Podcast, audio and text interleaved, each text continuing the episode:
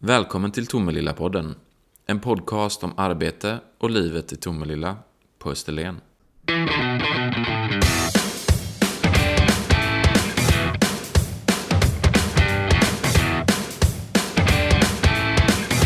Välkommen Britt-Marie till den här podcasten som handlar om arbete och livet i Tomelilla på Österlen. Tack så mycket.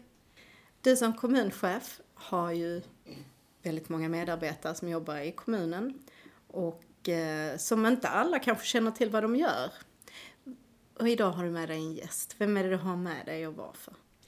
Idag så sitter jag och pratar tillsammans med Ida som är hållbarhetsstrateg eh, hos oss eh, och jobbar med egentligen summan av hållbarhetsfrågorna. Sen kanske vi kommer att ha lite mer fokus på den miljömässiga hållbarheten i, i den här podden.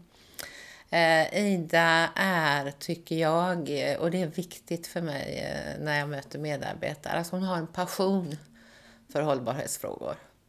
Eh, och hållbarhetsfrågor är dessutom dagsaktuella, jätteviktiga för oss. Så därför var det kul att få göra det här tillsammans med Ida. Välkommen hit Ida. Tack så mycket. Alltså när man kollar på er sida tomelilla.se så stod det tidigare miljöstrateg, nu är du hållbarhetsstrateg. Ja. Var, varav den ändringen tror du? Jag tror att eh, det är viktigt att fokusera på helheten och inte bara titta på en av delarna när det gäller hållbarhetsaspekten. För det, hållbarhetsfrågorna är ju tre delar. Det är ju den miljömässiga biten givetvis och sen är det den sociala delen och sen är den ekonomiska biten. Och jag tycker att när man samhällsplanerar eller tittar på projekt så bör man titta på alla tre delarna. Eh, för det kan vara så att eh, du vinner på någon och förlorar på någon del men att helheten blir ändå bra i slutändan. Och det är det viktigaste för mig. Vad spännande ska vi få lära oss mer om, om ditt arbete idag. Men innan det, vad, alltså, var kommer den här passionen som Britt-Marie pratar om att du har för hållbarhetsfrågor? Var kommer den ifrån? Jag tror det eh, bottnar mycket i att eh, jag vill att det ska hända saker. Vi kan inte bara stå och trampa och vänta på att någon annan ska göra det. Utan även om vi är en liten kommun eller en, en ensam person så, så kan vi ändå göra något litet. Och eh, Tomelilla har ju kommit oerhört långt, tycker jag. Och eh, har en, en drivkraft i de här frågorna. Och, och, politiken vill gärna och tjänstepersonerna vill gärna. Så att eh, då blir det också lättare att, att eh, dra i de här frågorna när det är fler som vill.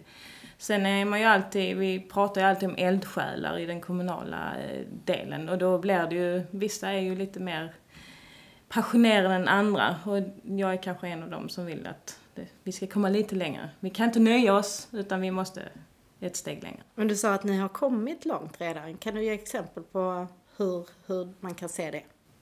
Um, bland annat så har vi jobbat mycket med transporter till exempel och då jobbar vi med våra egna bilar och då har vi ju, hade vi en eh, vision om att vi skulle köra gas.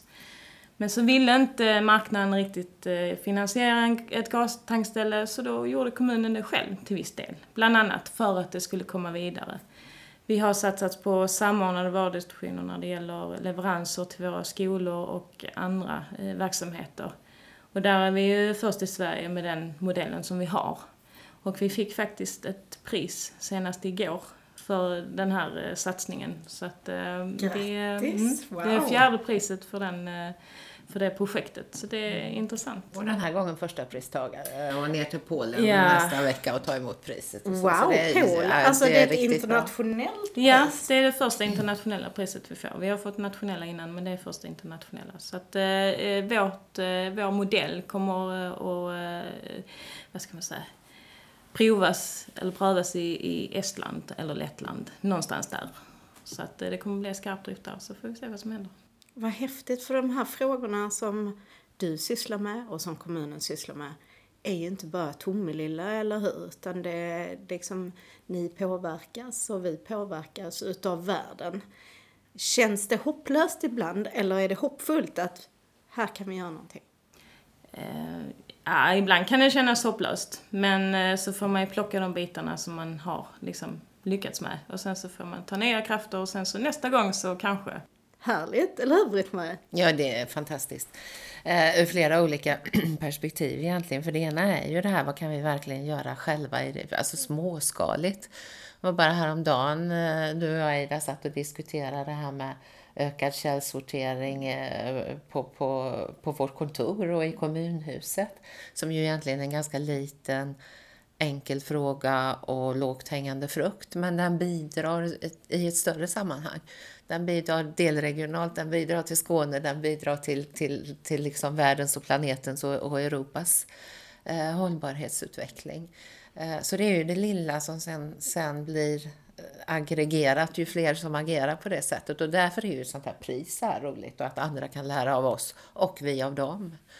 Eh, så det är riktigt kul. Sen tycker jag det är viktigt också att kommunen är en, en eh, ja, ett gott exempel för dels för andra företag och dels för medborgaren och visa att det faktiskt går att göra någonting och att, att man liksom föregår med gott exempel. Just när det gäller till exempel källsortering eller matsvinn eller alltså de här bitarna, de samhällsfrågorna som är uppe på, på agendan nu. Att vi visar att nej men, vi som stor verksamhet kan göra det här. Då kan ni också titta på vissa delar. Sen kan inte en göra allt, men man kan ju försöka. Mm. Och jag som individ och som invånare, har du några tips till mig som då är småbarnsförälder, företagare, bilist, bor i villa?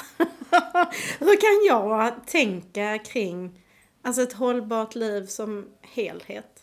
Har du något tips till mig? Ehm, jag tycker man ska börja med att inte tänka att man ska leva hållbart utan att det ska bli en, en ganska, ja det ska bli en självklar del av, av livet som man lever. Ehm, för vi kan inte gå runt och ha ångest över att vi väljer att köra bil istället för att cykla. För att det, ibland funkar inte vardagen om man, om man liksom ska cykla överallt. Ehm, men däremot så kan det vara viktigt att tänka på de valen man gör. Att man kanske man köper inte tre för två och slänger två, om du förstår vad jag menar. Utan mm. att man, jag, man liksom handlar med, med måtta till exempel och inte köper tre par stövlar när man bara behöver ett par. Alltså det är mycket det här att skala ner vissa delar. Eh, sen är det svårt kanske när man är barn. Hur kan Tomelilla påverka dels eh, sin egen kommun men, men även då regionalt och nationellt i hållbarhetsarbete i det? Ehm, genom att visa vägen och genom att synas och höras och vara med där man kan och hinner med, ska vi väl säga. Men vi syns ju mycket i, regionala sammanhang. Vi är med, försöker vara med i de projekten som erbjuds och vi försöker liksom vara med på konferenser och de här workshopsen som erbjuds. Ehm, dels för att lära sig mer om hur andra jobbar och dels för att berätta att ja, så här jobbar vi. Eh, sen är det ju, menar vi är en av de minsta kommunerna i Skåne som sagt. Men eh, ja, vi är bra på många områden där vi har visat vägen även för större kommuner. Så att det, eh, det är viktigt att synas och höras, så kan man väl säga. Sen är, tror jag att vi är bättre på att synas och höras regionalt än lokalt. Och det är väl lite där vår stora utmaning ligger, i att berätta att vi faktiskt gör någonting. Och då har vi ju Eh, Tomelilla placerar ju sig bäst i sydöstra Skåne eh, i miljörankingen som Aktuell Hållbarhet eh, gör varje år. Och eh, jag tror vi var på tolfte plats i Skåne. Jag ska inte ljuga, men eh, någonstans där ja. kanske.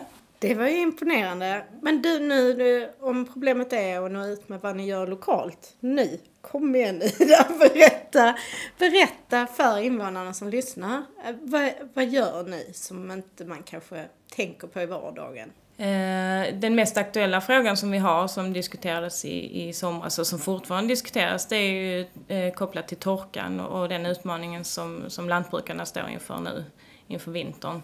Eh, där man diskuterade kött, svenskt kött i, i skolorna och sådär. Och det, vi har kommit långt när det gäller den frågan och vi har eh, avtal där vi avropar svenskt kött, till exempel.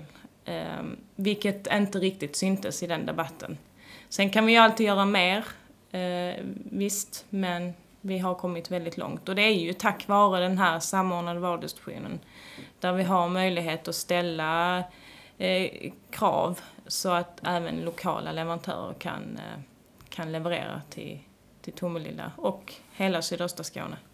faktiskt. Sen är det ju, som sagt, matsvinn jobbar vi med i skolorna. Vi jobbar med, mycket med de här eh, fossilfria transporter, eh, fossilfri fastighetshantering när det gäller uppvärmning och de energibitarna. Och där är ju, vi har inga oljepannor kvar till exempel och det har vi ju inte haft för, på flera år. Ehm, och sen att vi väljer bra miljöval där vi kan, elförsörjningen och de här bitarna. Så att vi har ju som sagt kommit långt och eh, helt plötsligt blir det vardag att vi, ja, ja men det gör vi redan så det behöver vi inte berätta om. Sen är det kommuner som gör det för första gången som slår på stora trumman och berättar det för hela världen. Eh, men vi tänker att ja, ja, det har vi redan gjort. Är det för att det är, det ett tecken på att ni har kommit långt då i att arbeta, att det har genomsyrat allt, det har blivit ett tänk? Ja, speciellt när det gäller kostbiten eller måltidsverkstan. Eh, att de har kommit långt i sitt tänk. Dels när det gäller anpassning av eh, menyn. Man säsongsanpassar, man tittar mycket både på kött och vegetariskt, man tittar på matsvinnet, man tittar på vilka leverantörer man har. Så där har vi kommit väldigt långt i just den biten. Men de är ju inte heller vi måste berätta det också så att säga. Så att, eh, mm.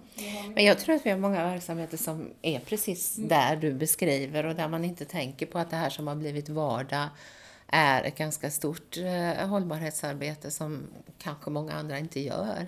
Så det finns ju massa sådana exempel. Alltså hur, hur hanterar vi vår logistik när vi är ute och kör? Hemtjänsten är ju en intensiv verksamhet som kör runt i, i hela kommunen. Um, vad använder vi för inkontinenshjälpmedel? Uh, så att de är miljövänliga och kan användas så länge som möjligt så man inte slänger och byter i onödan.